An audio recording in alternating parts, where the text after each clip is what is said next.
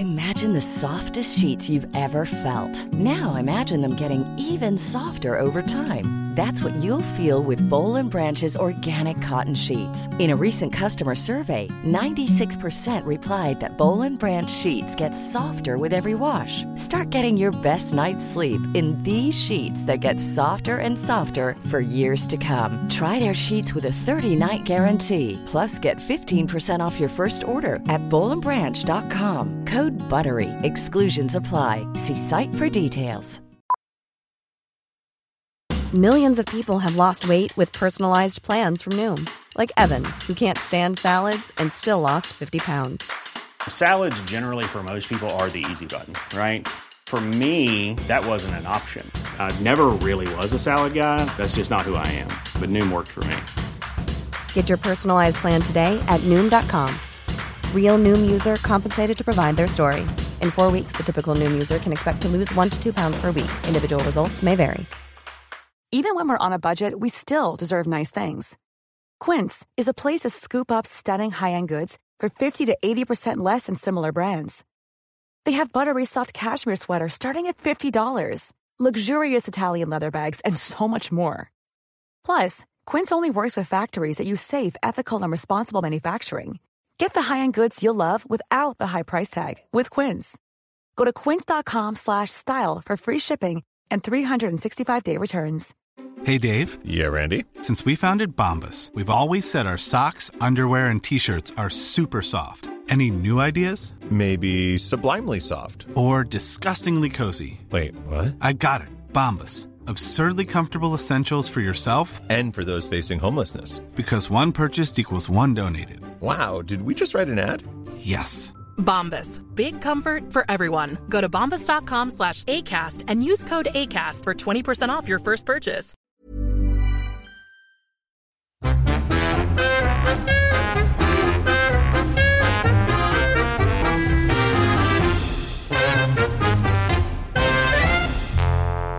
Hej och välkomna till Inte din morsa.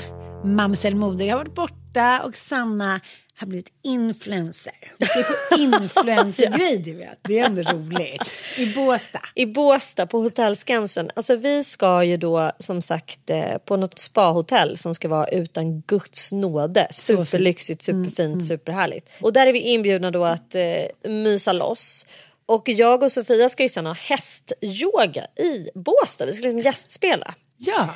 Det är sjukt kul. Det är en, en av mina bästa barndomsvänner som eh, hon heter Lisa Torngren och hon, tre av oss som alltså var grannar när vi var fem, sex år.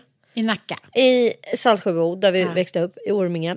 Vi bodde ju liksom ett stenkast ifrån varandra och lekte jämt med varandra. Alla vi tre har liksom, lever hästliv nu. Vi älskade ju hästar passionerat, vilt och hårt redan då. Ja. Och smådjur. Eh, Hassludens smådjursklubb drevs av Helena Wåckström.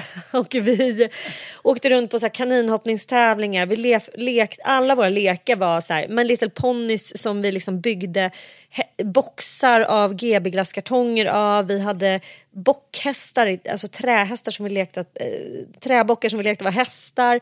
Nej, men all, all lek gick liksom ut på att vårda djur på olika sätt. Och sen så utbildade en utav oss eh, till jurist. Helena blev ju jurist.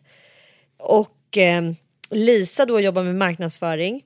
Och jag blev journalist. Men sen så här nu på ålderns höst är alla tillbaka i den här hästleken. Nej. Jo det är så kul. Helena driver ju en ranch i norra Italien. Just Oakwood Ranch. Där hon erbjuder liksom hästsemestrar med eh, amerikanska quarter och painthästar. Där ska eh, du ta med Ja men vi ska ja. åka dit, helt klart. Där alltså, kan jag tänka mig att jag kan bli lite hästbesatt. Det kan du verkligen ja. bli. Det är liksom Reggio Emilia, det är i bergen, man rider liksom från så här, parmeskinkeprovning till vinprovning till parmesantillverkare. Man rider liksom runt bara och Med en liten äter. Så i mungipan. Ja, med sluringar och olika så här, hemgjorda oh, så bra. tortellinis och grejer. Ja, men så härligt ställe. Oakwood Ranch, kan varmt rekommendera det. Och sen min kompis Lisa har bott i Australien i massa år eh, och varit liksom någon slags hemmafru för att hennes man fick någon topptjänst där borta. Och då var hon bara så här, nu jävlar, för man får inte jobba om man inte har arbetsvisa. Och då var hon hemmafru mot sin vilja och passade då på att förkovra sig i hästeriet. Och fastnade för att de i Australien har liksom ett otroligt så här välutbyggt nätverk av hästassisterat lärande, hästassisterad terapi. De använder liksom djur och hästar i skolan som läshundar och att man tränar olika förmågor som samarbete, empati och ja, massa annat. Och hon eh, utbildade sig då till eh, hästassisterad lärare kan man säga och hennes metod heter Lära med hästar och eh, det är ett fem veckors program där man liksom stärker fem olika förmågor hos barn som får jobba med hästar på olika sätt. Och jag har ju själv då utbildat mig till handledare i hennes metod som är så jävla ja, men, otroligt fascinerande faktiskt. Så henne ska jag gästa nere i Båstad för hon har sin fina gård där nere och eh, där hon har hästassisterat lärande och utbildar människor som ska liksom föra det här budskapet vidare. Det här är jättelitet än så länge i Sverige. Mm. Men nu ska vi ha hästyoga där, det ska bli skitnice. Och vi ska på influencer-event och vi ska ah, ha kul, vi ska ha ah. tjejresa och det ska bara... Ah. Ja, jag bara... Ja. ja ah. men, men, du, jag tänkte på en annan, annan grej apropå att så här, vi konstaterade det jag och Lisa att vi liksom har blivit det vi drömde om att bli. Mm -hmm. På något sätt. Då var det så här, ridlärare, jobba med hästar och så var helt plötsligt gör vi det. Mm, mm. Och så blev vi liksom så, du vet så här nostalgiskt glada över att såna där drömmar som man drömmer faktiskt har någon jävla betydelse. De riktar en mot någonting. Och det har jag känt när jag nu under midsommar så sa min kompis Carro som hade med sig sin brorsa David som har bott i New York i massa år. Han kom hem så det var så jävla kul att träffa honom också. Som vi umgicks ju hur mycket som helst med. Han är ju som familjemedlem. Men då var det första gången han var ute på gården och då så sa Carro så här, tänk att Sanna alltid har drömt om att ha sina hästar och bo på en gård och nu gör hon det. Så här. Och eh, då började vi resonera kring att det faktiskt, om man vågar drömma så stora saker så blir det nästan alltid som man hade drömt om. Det kanske inte kommer redan skepnaden man hade trott. Nej, men fattar. det kommer ändå någon typ av inslag av det. Liksom. Mm, mm, mm. När du var barn, vad drömde du om då? Vad hade du för drömmar? Det är så roligt för att barnen frågade mig häromdagen, så här, de pratade ju mycket om så här, men vad ville du bli när du var liten? Eh, när fyller du år? Hur gammal blir du? Alltså, de vet, men de vill så här, som en liten lek typ. Mm. Och eh, pratar mycket om så här, vad smarta, de, liksom, de bästa fotbollsspelarna är riktigt smarta. Liksom. Mm. Både så här, hur de kan läsa spelet och kroppsligt och liksom och jag frågar och då så sa Frasse till mig, din kille eh, i, min, i min klass, han vill liksom vara allt. Han vill liksom vara en sportstar typ. Att det, det störde honom att han inte kunde vara nöjd. Utan han, bara så här, han vill vara bäst på allt. Jag var så här, it takes one to know one. Och du då? Nej men jag vill bara vara en så skön vanlig kille som kör en sport, fotboll. Jag bara, jo men du är besatt av fotboll. Du spelar fotboll fem timmar per dag. Men det störde honom att han liksom inte strävade efter, han hade liksom redan hittat sitt kall. Ja. Förstår du? Ja. Och då frågade han mig, vad ville du bli när du var liten? Och vad skulle du vilja bli nu?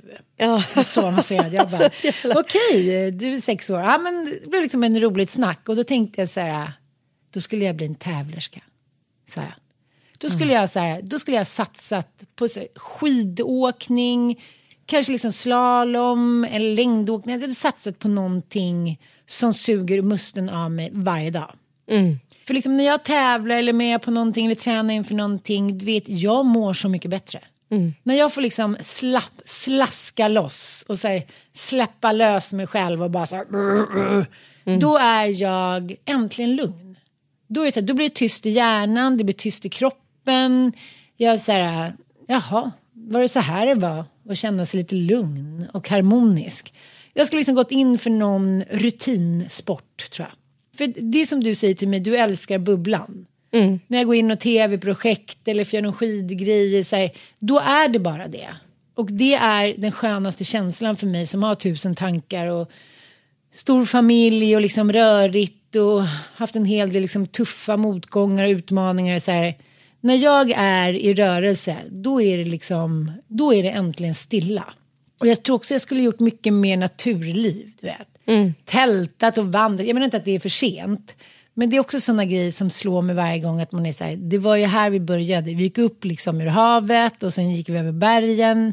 Och jag tänker också med det här med eh, ADHD-människor. Att så här, det är de 10 procenten som har den här A10-genen. Liksom. Det är ju neandertalarna som säger en mammut, I don't give a fuck. Och resten sprang liksom.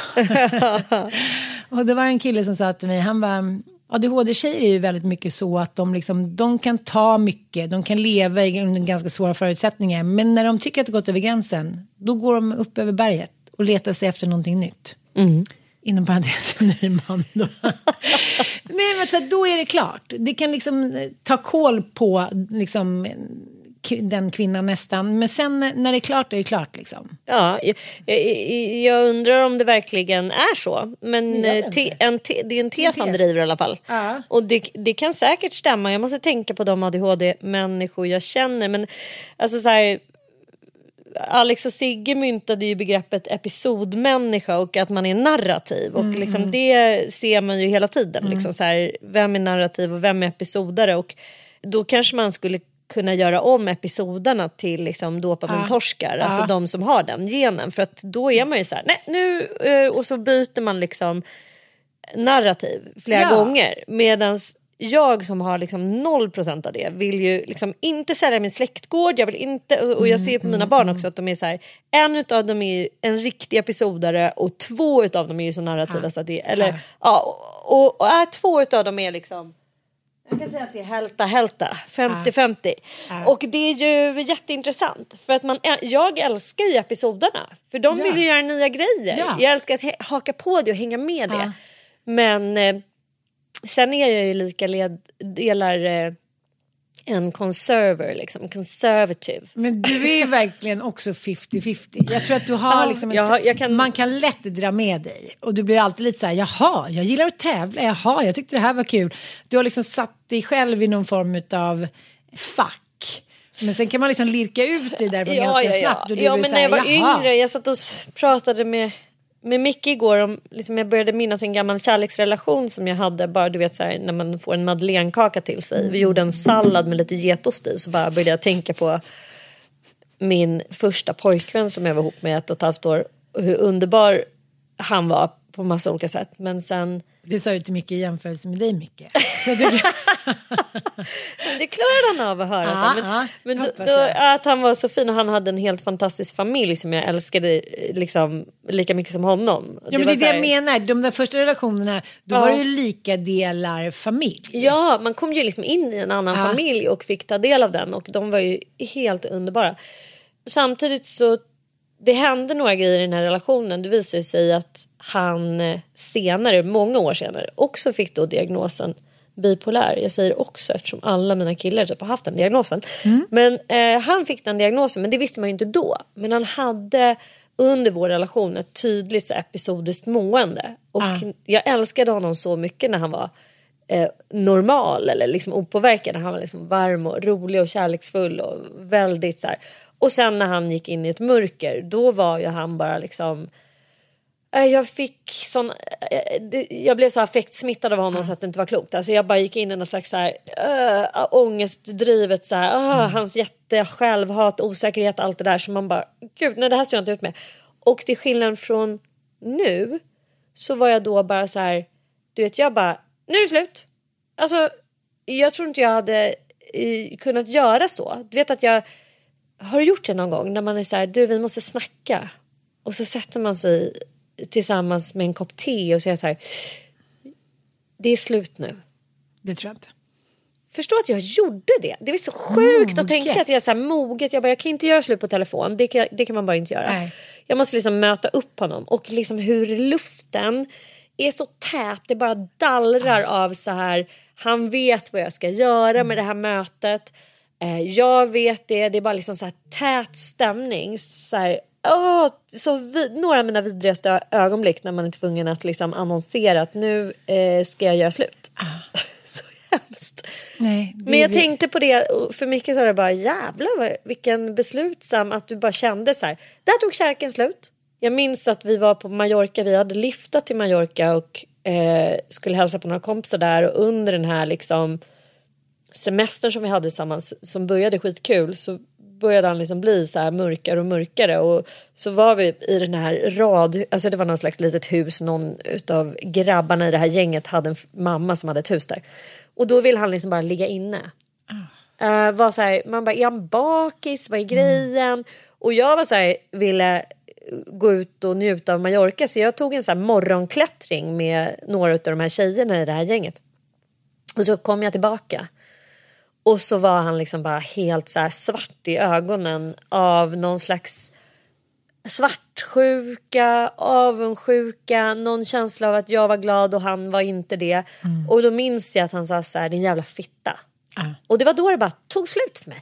Jag var bara så här, nu är kärleken slut. Uh. Och det var den. Uh. Jag åkte hem och så försökte jag liksom recall den här känslan av att jag var, var kär. Över. Det var över. Det var över. The point of no return. Nu fattar jag vad du är ute efter. Ja, den här känd. Och jag bara, ja. Och det som jag tycker är det mest fascinerande och kanske både lättade och avgrundsdjupa med den känslan att det kan komma som en skuddmissil från ingenstans. Man tycker så här, allt är bra hit och dit och så bara tittar man på den personen och bara känner så här, jag kommer aldrig mer kunna kyssa dig. Mm. Sluta smacka på de där jävla popcornen. Sånt momentum ja. liksom kille som hette Tony. Uh. Han var så snygg, han var hockeyspelare, eller ganska lång lockigt hår, lite nallebjörn som jag alltid varit lite svag för. Riktiga så här julbent frasse liksom. Ah, riktig charmig kille va, Tony! Ja. Ah, ah, du vet hockeykillarna i Farsta liksom. Han satt där med de där popcorn och smackade, släppte en liten brakare, så här, du vet, peta in en pinne i brasan. Jag bara kände så här föraktet, jag bara, nu är inte jag kär i dig längre. Nu kommer jag aldrig mer kyssa dig typ. Hej då. Ah. Det var också så här, och sen var det aldrig något mer. Jag minns med honom att jag hade liksom en så här instinktiv rädsla för det där mörkret. Jag bara, det där vill jag inte Nej. ha i kring mig. Punkt slut, jag, jag drar. Mm. Och sen eskalerade det när vi kom hem därifrån och så skulle vi gå på någon fest, jag tror det var på Filmhuset. Och så blev han full och fick någon typ av så här panikångestattack mitt i en kö. Och började liksom bara veva mitt i den här kön. Alltså bara skulle ut därifrån. Du vet när man står väldigt trångt bland massa människor. Och då kände jag också så här. Jag vill inte vara kring det här. Jag bara drar. Typ. Alltså, så här, mm. Ändå fascinerande tycker jag hur man kan ha. Och jag kan säga att i alla mina relationer så har jag haft så här. Ett sånt där point of no, no return. När liksom slutpoletten mm. trillar ner. Och sen är det oåterkalleligt. Mm. Och den enda där det inte har varit så med är med Micke. Mm, att jag har känt så här, nu trillade det ner, sen bara nej det gjorde den inte. Ja. Eller liksom, det gick, att, nej, men det gick att reparera. Ja. Och det tror jag jag funderar mycket på de senaste dagarna. Det har att göra med att han dels har självinsikt och att han har eh, förbättringspotential. Mm. Alltså han gör jävligt galna grejer och raserar mycket i, sitt själv, i sin självdestruktivitet. Men han är förmögen att ta ansvar över det. Mm. Och det är ju liksom en förutsättning tror jag för att man ska känna att man liksom delar i alla fall upplevelsen. Mm. Människor som beter sig som douchebags är ju gärna väldigt sugna på att inte prata om det sen. alltså man Nej, bara, gud ja. Vadå, sa jag en jävla fitta till dig ja. på Mallis? Nej, det är. Nej. Nej, så många säger, det har jag inte sagt. Och sen då, så, det gjorde du visst det. Det menar jag inte. Det var ju ett skämt. Och jag tror att det handlar om det där att vissa människor har en integritet och där tycker jag ändå, jag som har tillsammans med både män med ADHD och bipolaritet och autism. Ja. Att män med ADHD, och jag har tänkt mycket på det där, om du kollar till exempel i sociala medier eller människor som är med i tävlingsprogram eller sportmänniskor eller de här unga killarna, Viktor Frisk, Tadros, grannen Måns Grundert. Alltså, det finns så många härliga, drivna ADHD-killar som har den där förmågan. De kanske har varit fuck-ups under hela uppväxten mm. men sen har de det där superfokus. Mm. Den special ADHD att det är så här när de sätter sig då kör de in i kaklet. Och det är någonting som framställs som så här gud det är så fint och så här, gud så begåvat. Men så tänkte jag på det. Det beteendet är ju också helt gränslöst. Mm. Det är lite så här, kan också jämföra med så här, golfspelande män.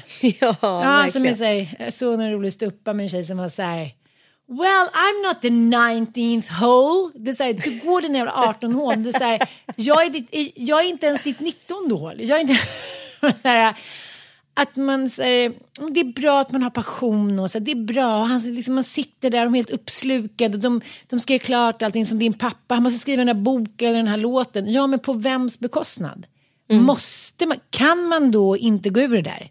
Det kan man väl? Kvinnor kan det hela tiden. Det är någon unge som skriker hit och dit. Nu när jag stängde av telefonen i elva dagar, jag har aldrig mått bättre.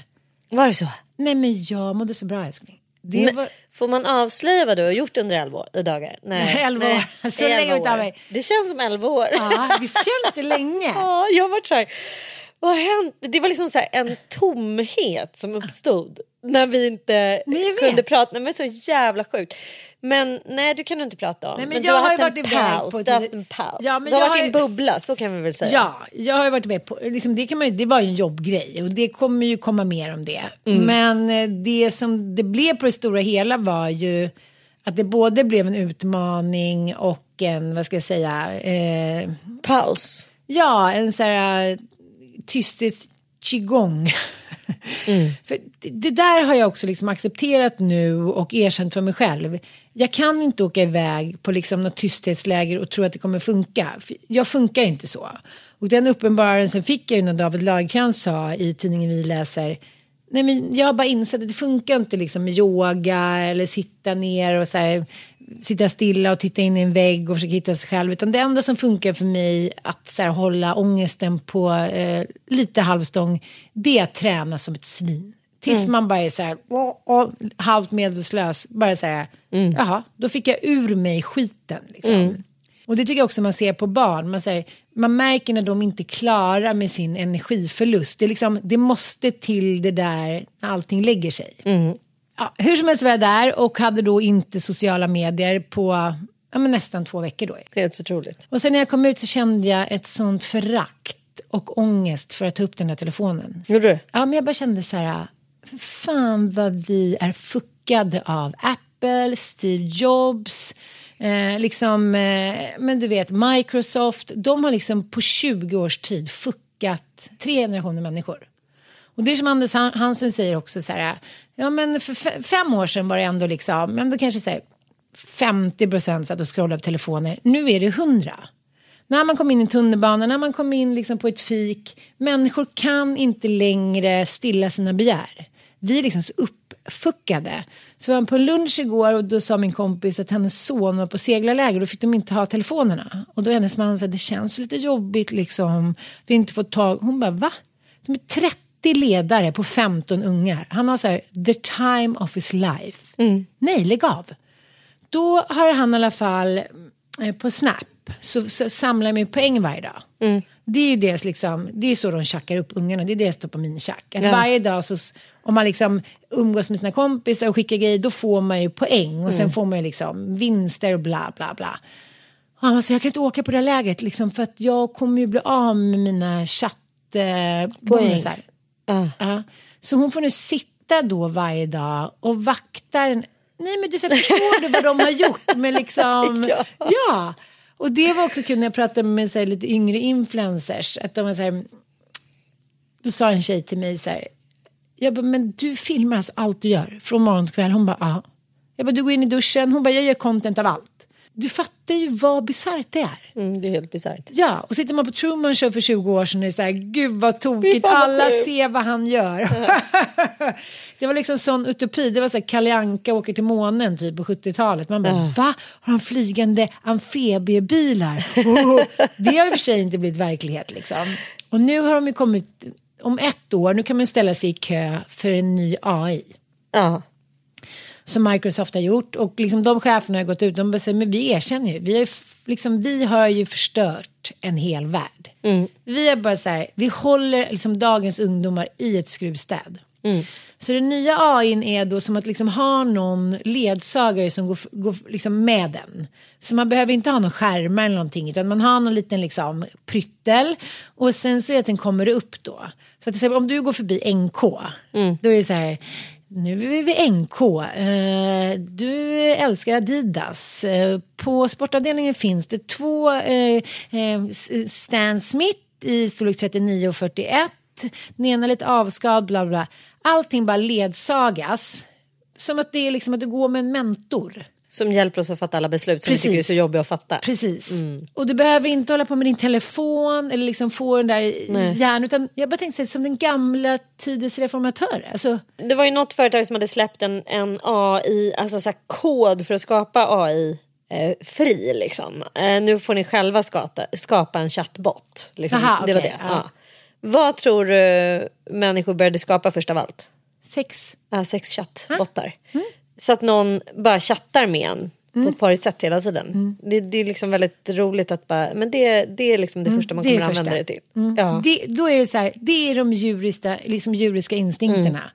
Och jag har tänkt så mycket på det där. Ja, men nu när vi liksom, jag har varit utomlands, man har varit på en strand, det har varit tyst, man har gått på den här stranden, man har badat lite, man, liksom, man har gjort det som människan började göra. Man är som en liten lyxnomad. Man piper omkring lite, det är lite frukt, man har en kokonöt, man käkar en liten risgrej. Och eh, för mig var det så, jag saknade liksom ingenting. Nej. Saknade telefonen, jag, jag saknade knappt dem där hemma. Sen är det också det. Hade liksom- du någon bok eller något? Nej, ingenting. Det var käften som gick varm. Nej, men ja, men liksom, grejen är att precis som vi har pratat om i bondesamhället att här, när, vi, när, när det liksom började komma en medelklass och överklass då kommer också mycket av den psykiska ohälsan. När du då går upp på morgonen och så måste du liksom sätta igång en eld, du måste liksom fixa lite mat. Sen är det någonting som händer, bla bla bla. Det, så här, det fortgår ju bara. Och det är inte så här, gud jag ska sitta uppe till tre och kolla på en eh, serie. Det är så här, okej nu gick solen ner. Men kanske ändå ganska mysigt att bara lägga sig i, i det lilla huset och ligga och snacka. Alltså det, det, det här allmänmänskliga som på något sätt har gått förlorat. När alla sitter och stirrar på sina telefoner, någon tv-serie. Jag menar inte att det ena behöver liksom helt erasa det andra. Men att det var så lugnt hela tiden. Det var så här, godnatt. Och sen så var ju barnen hemma.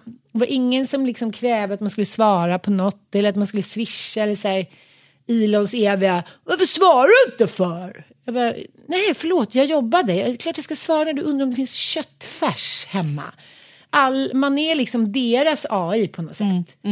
Och de har bara helt hemfallit åt både vuxna män och barn att säga vad finns min hårvax, vad är det, vad är det för nummer till den, hur gör vi då? De liksom tänker inte längre själva på något sätt. Och det är såklart mitt fel också, så det är inte det. Men det är så här, i varje familj så känns det som att det finns en kvinnlig AI som bara säger jag lotsar dig framåt genom dagen. Du får inte porrsurfa, Mm, här finns det lite mat. Och då kände jag bara så här, nej men det går jättebra utan att de måste liksom vara uppkopplade mot mig hela tiden. Mm, de klarar det. Ja, Men det är väl det som man pratar mycket om rädslan med AI och sådär. Men jag tänker ju att fördelarna, alltså vem fan vill inte ha en liten snäll kvinnlig chattbot som hjälper mig att planera till exempel. Alltså hur fan vad jag skulle tycka det var härligt. Och det här med liksom att skriva böcker och det som kommer bli helt annorlunda för oss som liksom har svårt att få till det. Nu måste vi sätta oss. Nu är det så här, hej du kanske skulle kunna ändra lite på slutet. Är inte det här en rolig idé att eh, Eva blir kär i Ronny och sen blir det lite förvecklingar så här. Men twisten är, man bara Mm, det är sant. Du sitter liksom med en jävla mentor i vad som helst. Inom sport, inom husgeråd, inom uppfostran så är det bara någon här, som vet allt mycket mer än vad du vet. Plus att det som också är fantastiskt att eh, barnen kan ju inte gå in på porrsajter. Det är så här, nej, eh, det ska inte du titta på. Den är låst för dig. Så det är också så här, det blir, liksom, det blir en, en vackrare och bättre värld på något sätt. Mm, vi får väl se, vi får väl se. Ja, vi får väl se. Vi får väl se. Men du, Aha. apropå cha- chattbottar och eh, sex. Ja. When you're ready to pop the question, the last thing you want to do is second guess the ring. At Bluenile.com, you can design a one of a kind ring with the ease and convenience of shopping online. Choose your diamond and setting. When you find the one, you'll get it delivered right to your door. Go to BlueNile.com and use promo code LISTEN to get $50 off your purchase of $500 or more. That's code LISTEN at BlueNile.com for $50 off your purchase. BlueNile.com code LISTEN. Hi, I'm Daniel, founder of Pretty Litter. Cats and cat owners deserve better than any old fashioned litter. That's why I teamed up with scientists and veterinarians to create Pretty Litter. Its innovative crystal formula has superior odor control and weighs up to 80% less than clay litter. Pretty Litter even monitors health by changing colors to help detect early signs of potential illness. It's the world's smartest kitty litter. Go to prettylitter.com and use code ACAST for 20% off your first order and a free cat toy. Terms and conditions apply. See site for details.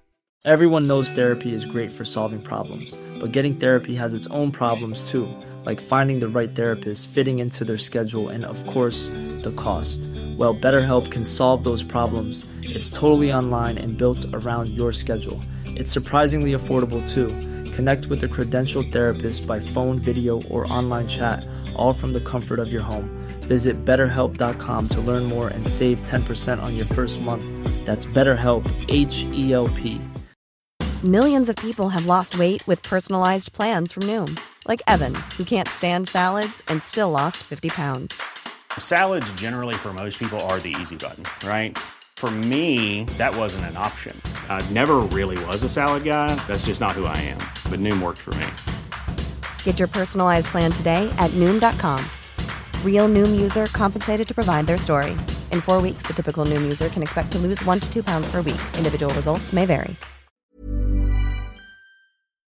Du har ju varit frånkopplad då i elva dagar. Då kan jag ju tala om för dig att Linda Skugge har startat en eh, sek- sekundär eh, verksamhet på sitt nya Onlyfans-konto.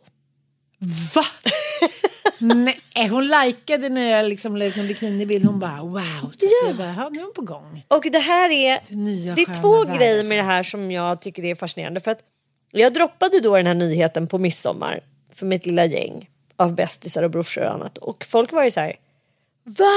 Är det sant? Man bara, men följer ni inte henne? ja. Alltså hon är helt öppen med det. Det är inte så här, åh, lite secret i skymundan. Utan på hennes öppna Mamma har Instagramkonto. så- metallhalsband. Nej, det, så är det inte. Nej, alltså hon är ju helt öppen. Hon har väl ett öppet konto, Lina Skugge? Ja. Antar jag. ja. Och där, det är där hon så här hänvisar då till sitt Onlyfans-konto. Att där kan man gå in om man vill ha lite mer så att säga hot and spicy spis. Och det hoppas jag att du har gjort nu så du kan berätta om Det har jag inte. För då måste man ju betala. Snåla satan. jag, jag, jag vet, snåla, men då tänker jag att vi kanske då ändå kan kosta på oss att göra det här till nästa vecka. Inte live. Ska vi göra det nu? Ja, det gör vi.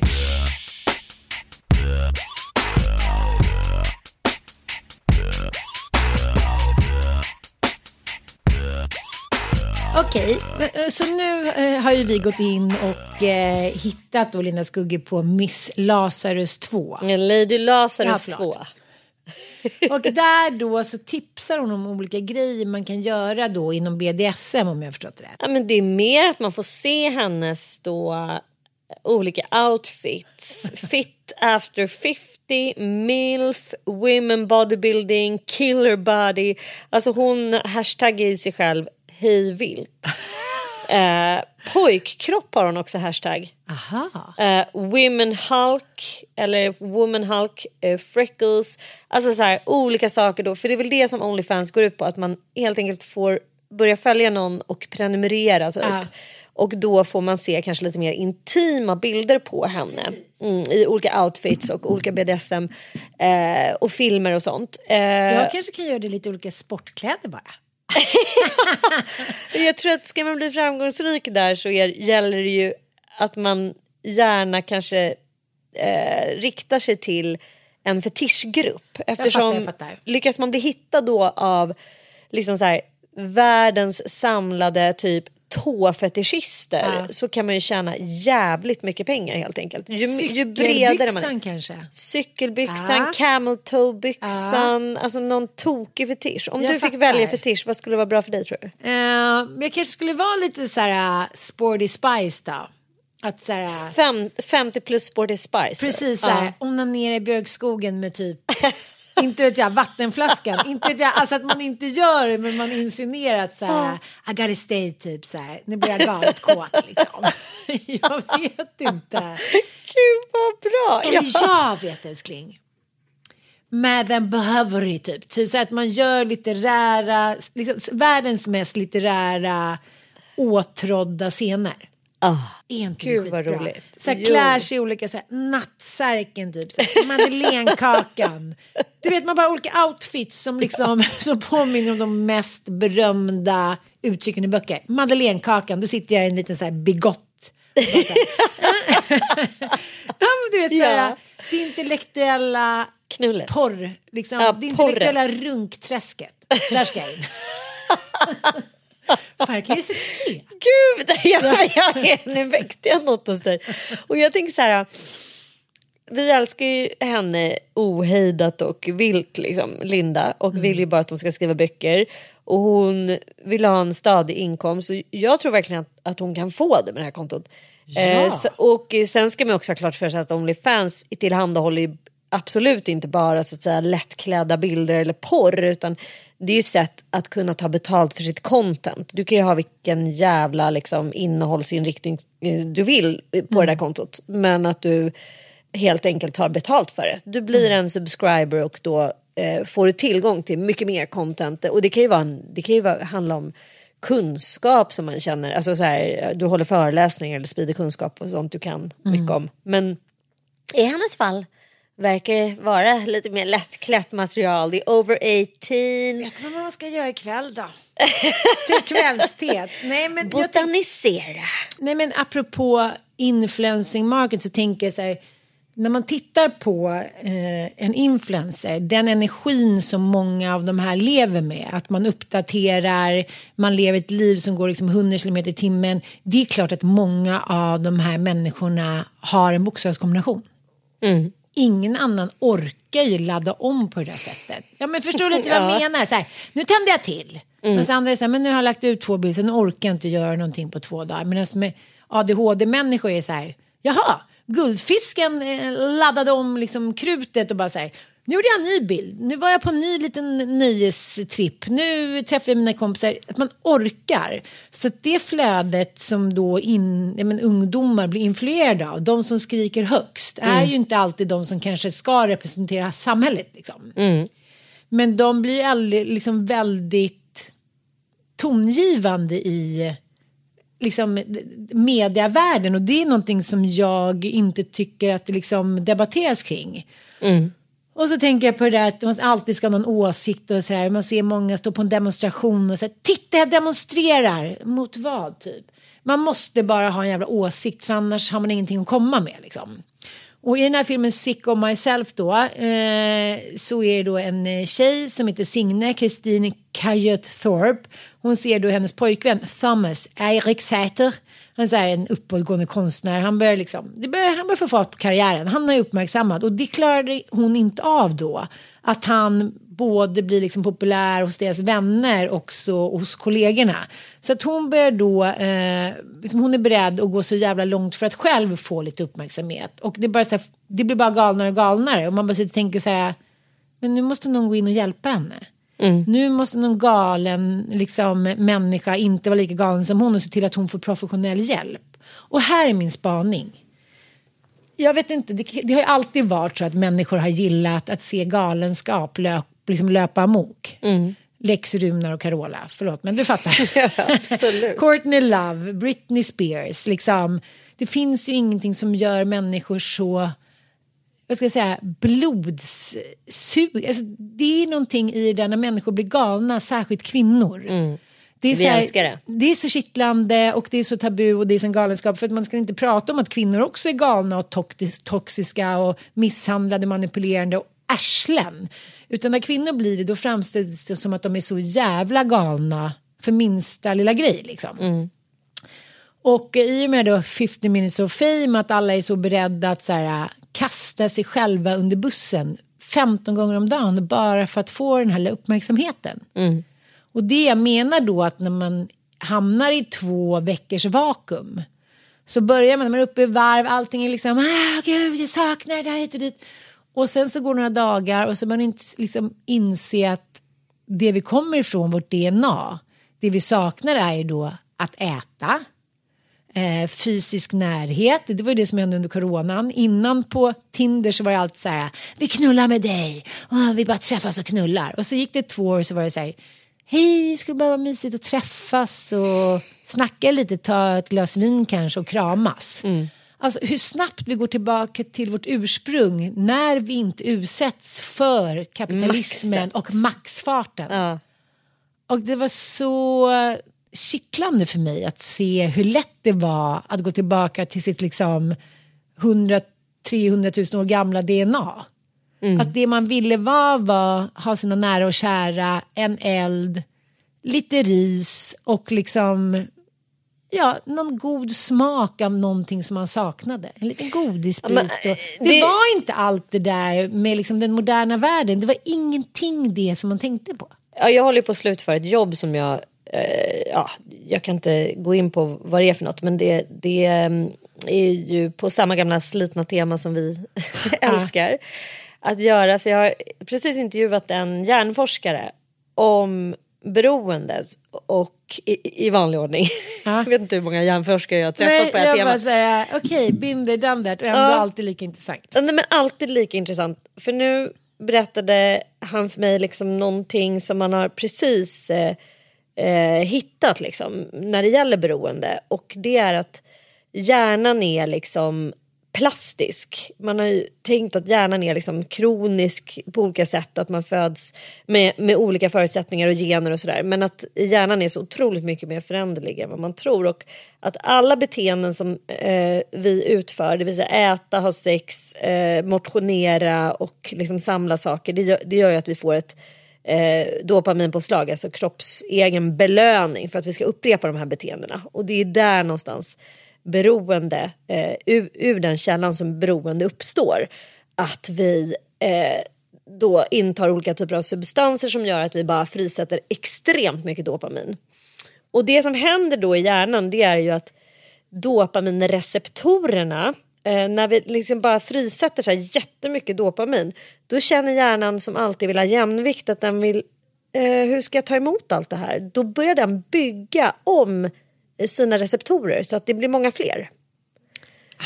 Och då helt plötsligt har du en hjärna som också kräver mer dopamin. Det är 2000 pers istället för 1000 som bara, jag vill ha godis, jag Mm, vill ha det är som sex. små hungriga skatungar som är så här, ge mig, ge mig, ge mig. Så att din egen då, kroppsegna dopaminproduktion, eh, produktion, den, är liksom, den räcker bara till tio av de där små fågelungarna som sitter och gapar plötsligt. Så då kommer du uppleva att du går runt med brist hela tiden. Alltså att du på riktigt är hotad till livet därför att du inte får det du behöver. För det är en miljon skatungar som skriker på dopamin. Och din kropp kan bara producera liksom Ja. hundra enheter. Ja. För det är max för en mänsklig hjärna. Och det är därför liksom hjärnan är kidnappad. Och det gäller ju naturligtvis när vi då börjar utsätta hjärnan för massa kickar i form av liksom, vad ska vi säga, Pornhub. Eh, du får massor med så här, likes på Instagram. Vem fan får liksom hundra pers som säger att du är gullig och snäll på en dag eh, utan Instagram. Ehm, och det gör att du helt plötsligt har byggt om din hjärna till att bli en skrikande fågelunge som bara jag vill ha mer, mer, mer, mer och att du lever i brist när du inte får det. Men det som är fascinerande det är hur snabbt det går om man bara står ut med avhållsamhet i några dagar så börjar hjärnan bygga om sig direkt. Till liksom, och det är det som händer och det är det som är den tillfrisknande beroendehjärnan. Och har du levt länge med ett beroende så kommer det ju ta längre tid. Men och i synnerhet om du har använt droger och substanser som liksom pumpar hjärnan så full med dopamin som det inte går att göra med sex och kä- kärlek och liksom Instagram eller så. Det är därför forskarna är oense om huruvida man ska ens kalla då processberoende en beroendesjukdom. Därför att du kan aldrig komma upp i de nivåerna av dopamin som du gör med till exempel heroin eller amfetamin. Men det går ganska snabbt att komma tillbaka. Och det är hoppfullt att du faktiskt eh, kan reparera din hjärna och eh, minska ner på de här eh, fågelungarna så att det bara motsvarar din kroppsegna dopamin. Det kanske är det som har hänt dig här nu. Ja, det kanske är det. Och eh, det var så roligt för jag kom hem och hade inte träffat barnen på liksom nästan två och en halv vecka. Och eh, i vanliga fall då är jag ju redan på Mallis på Gotland. Jag är liksom in, inne i fortsättningen, så in the fast lane med min dopamin kicktorsk-liv. Och så är plötsligt den, i år så är jag inte det. Och så tänkte jag, gud kommer jag ju sakna det och jag är så här, det, jag vill verkligen ha något planerat liksom. Det är viktigt för mig, att jag måste något att se fram emot. Och så kände jag så här, fan vad skönt att jag inte har någonting planerat. Vi gick till Fredhäll och badade lite på klipporna och liksom stannade och käkade någon pizza. Lite, var så här, vi bara liksom hakade på. Och just det, vi har pratat om att, att barnen kräver inte så mycket. Det är vi som är så här, då tycker jag så, de måste ha något roligt.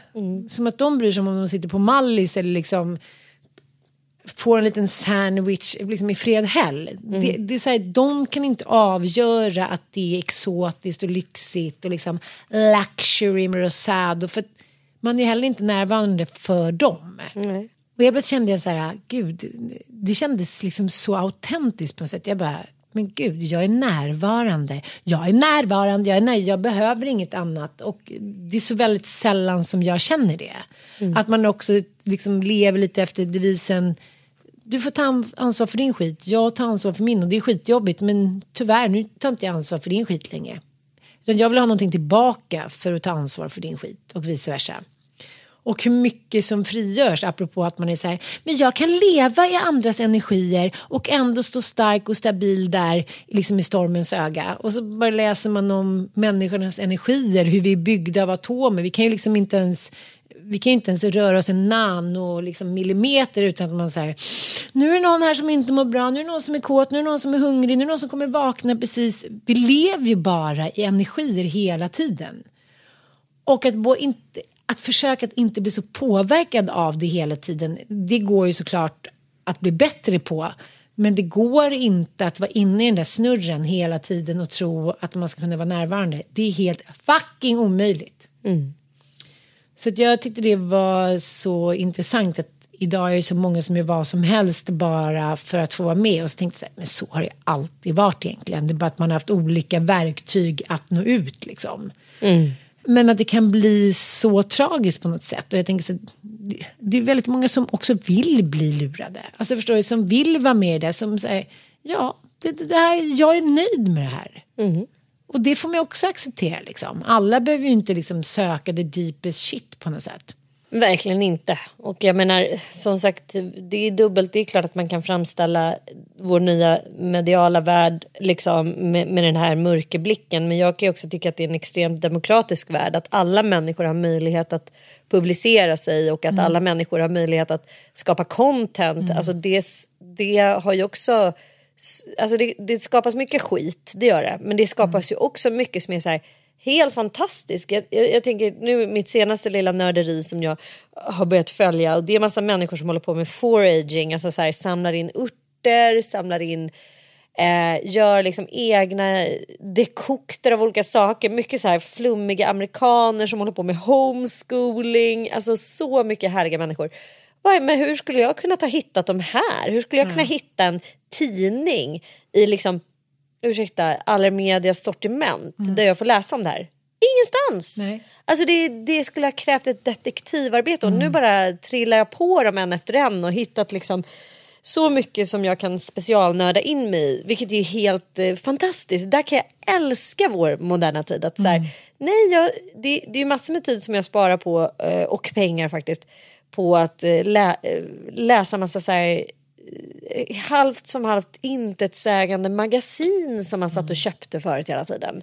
Ja, jag kan Man inte bara, längre. nej men det, det går inte. Jag kan inte. För det finns så många influencers som är så jävla mycket bättre på att leverera typ inredningscontent, skönhetscontent. Alltså det är ju faktiskt så. Så där måste jag säga att I love the shit. Men jag, jag kan också förstå att unga människor idag är så här, alltså jag tittar på mina söner, du vet jag bara känner att de är förlorade.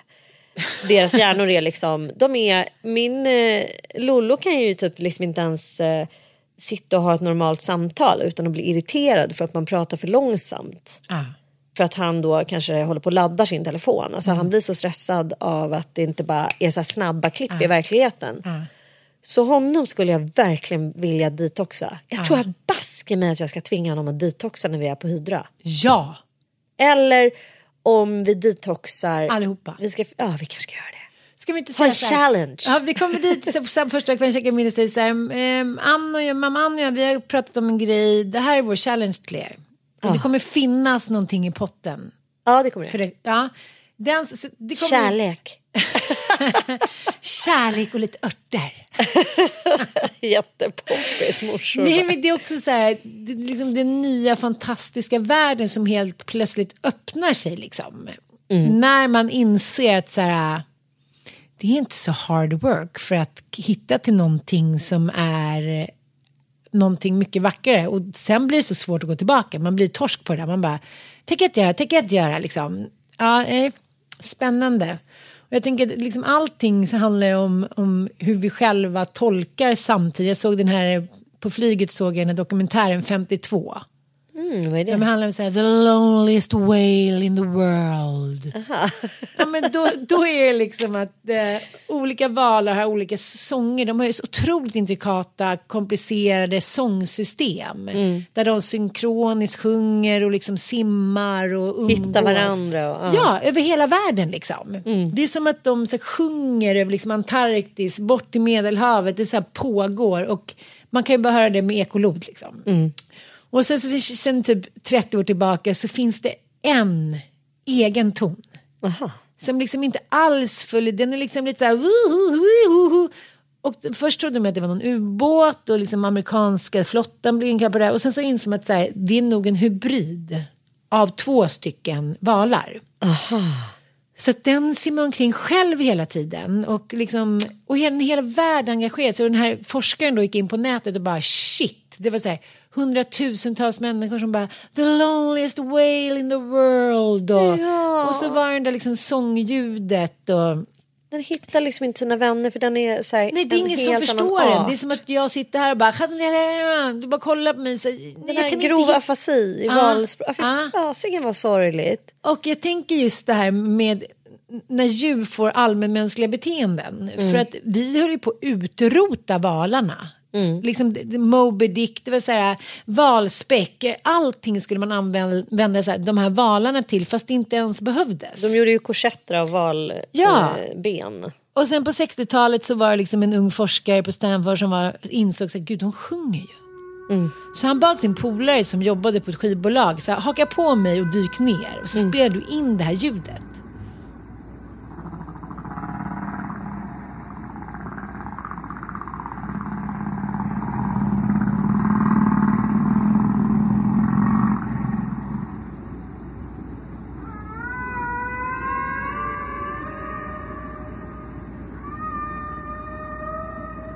Och det här är alltså den mest säljande skivan i världshistorien. För Times köpte den. De köpte så här 17 miljoner copies som de la i sin tidning då. Och helt plötsligt så vände allt det här. För då insåg man så här, det som pågår där under är skönhet. Det är liksom, de fick mänskliga beteenden, de kunde sjunga, de kunde kommunicera.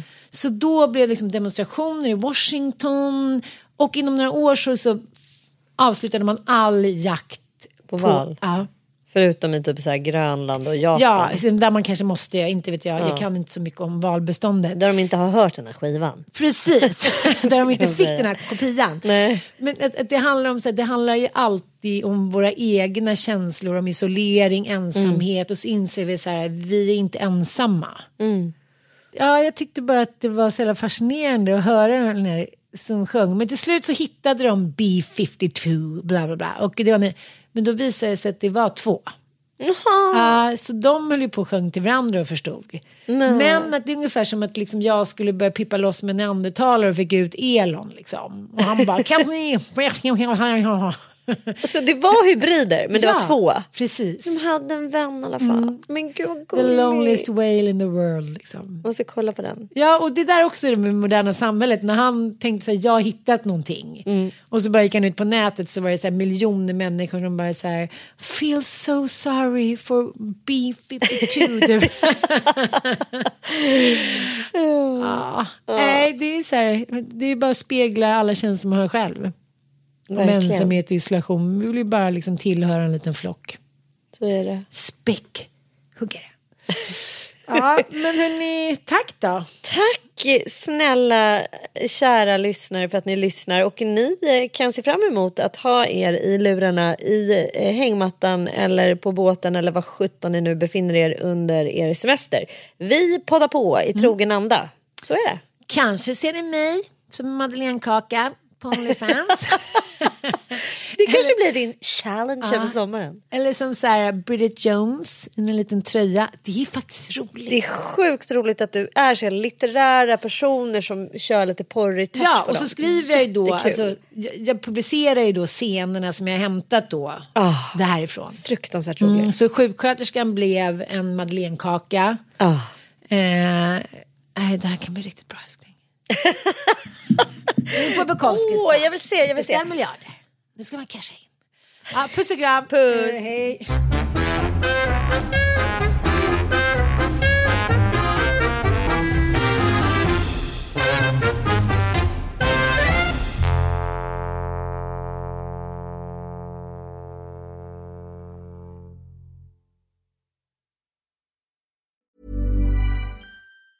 Hi, I'm Daniel, founder of Pretty Litter. Did you know cats tend to hide symptoms of sickness and pain? I learned this the hard way after losing my cat, Gingy. So I created Pretty Litter, a health monitoring litter that helps detect early signs of illness by changing colors, saving you money and potentially your cat's life. Pretty Litter is veterinarian developed, and it's the easiest way to keep tabs on your fur baby's health right at home. Go to prettylitter.com and use code ACAST for 20% off your first order and a free cat toy. Terms and conditions apply. See site for details. Planning for your next trip?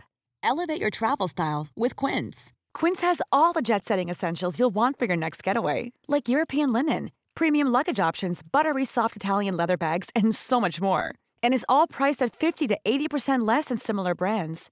Plus, Quince only works with factories that use safe and ethical manufacturing practices.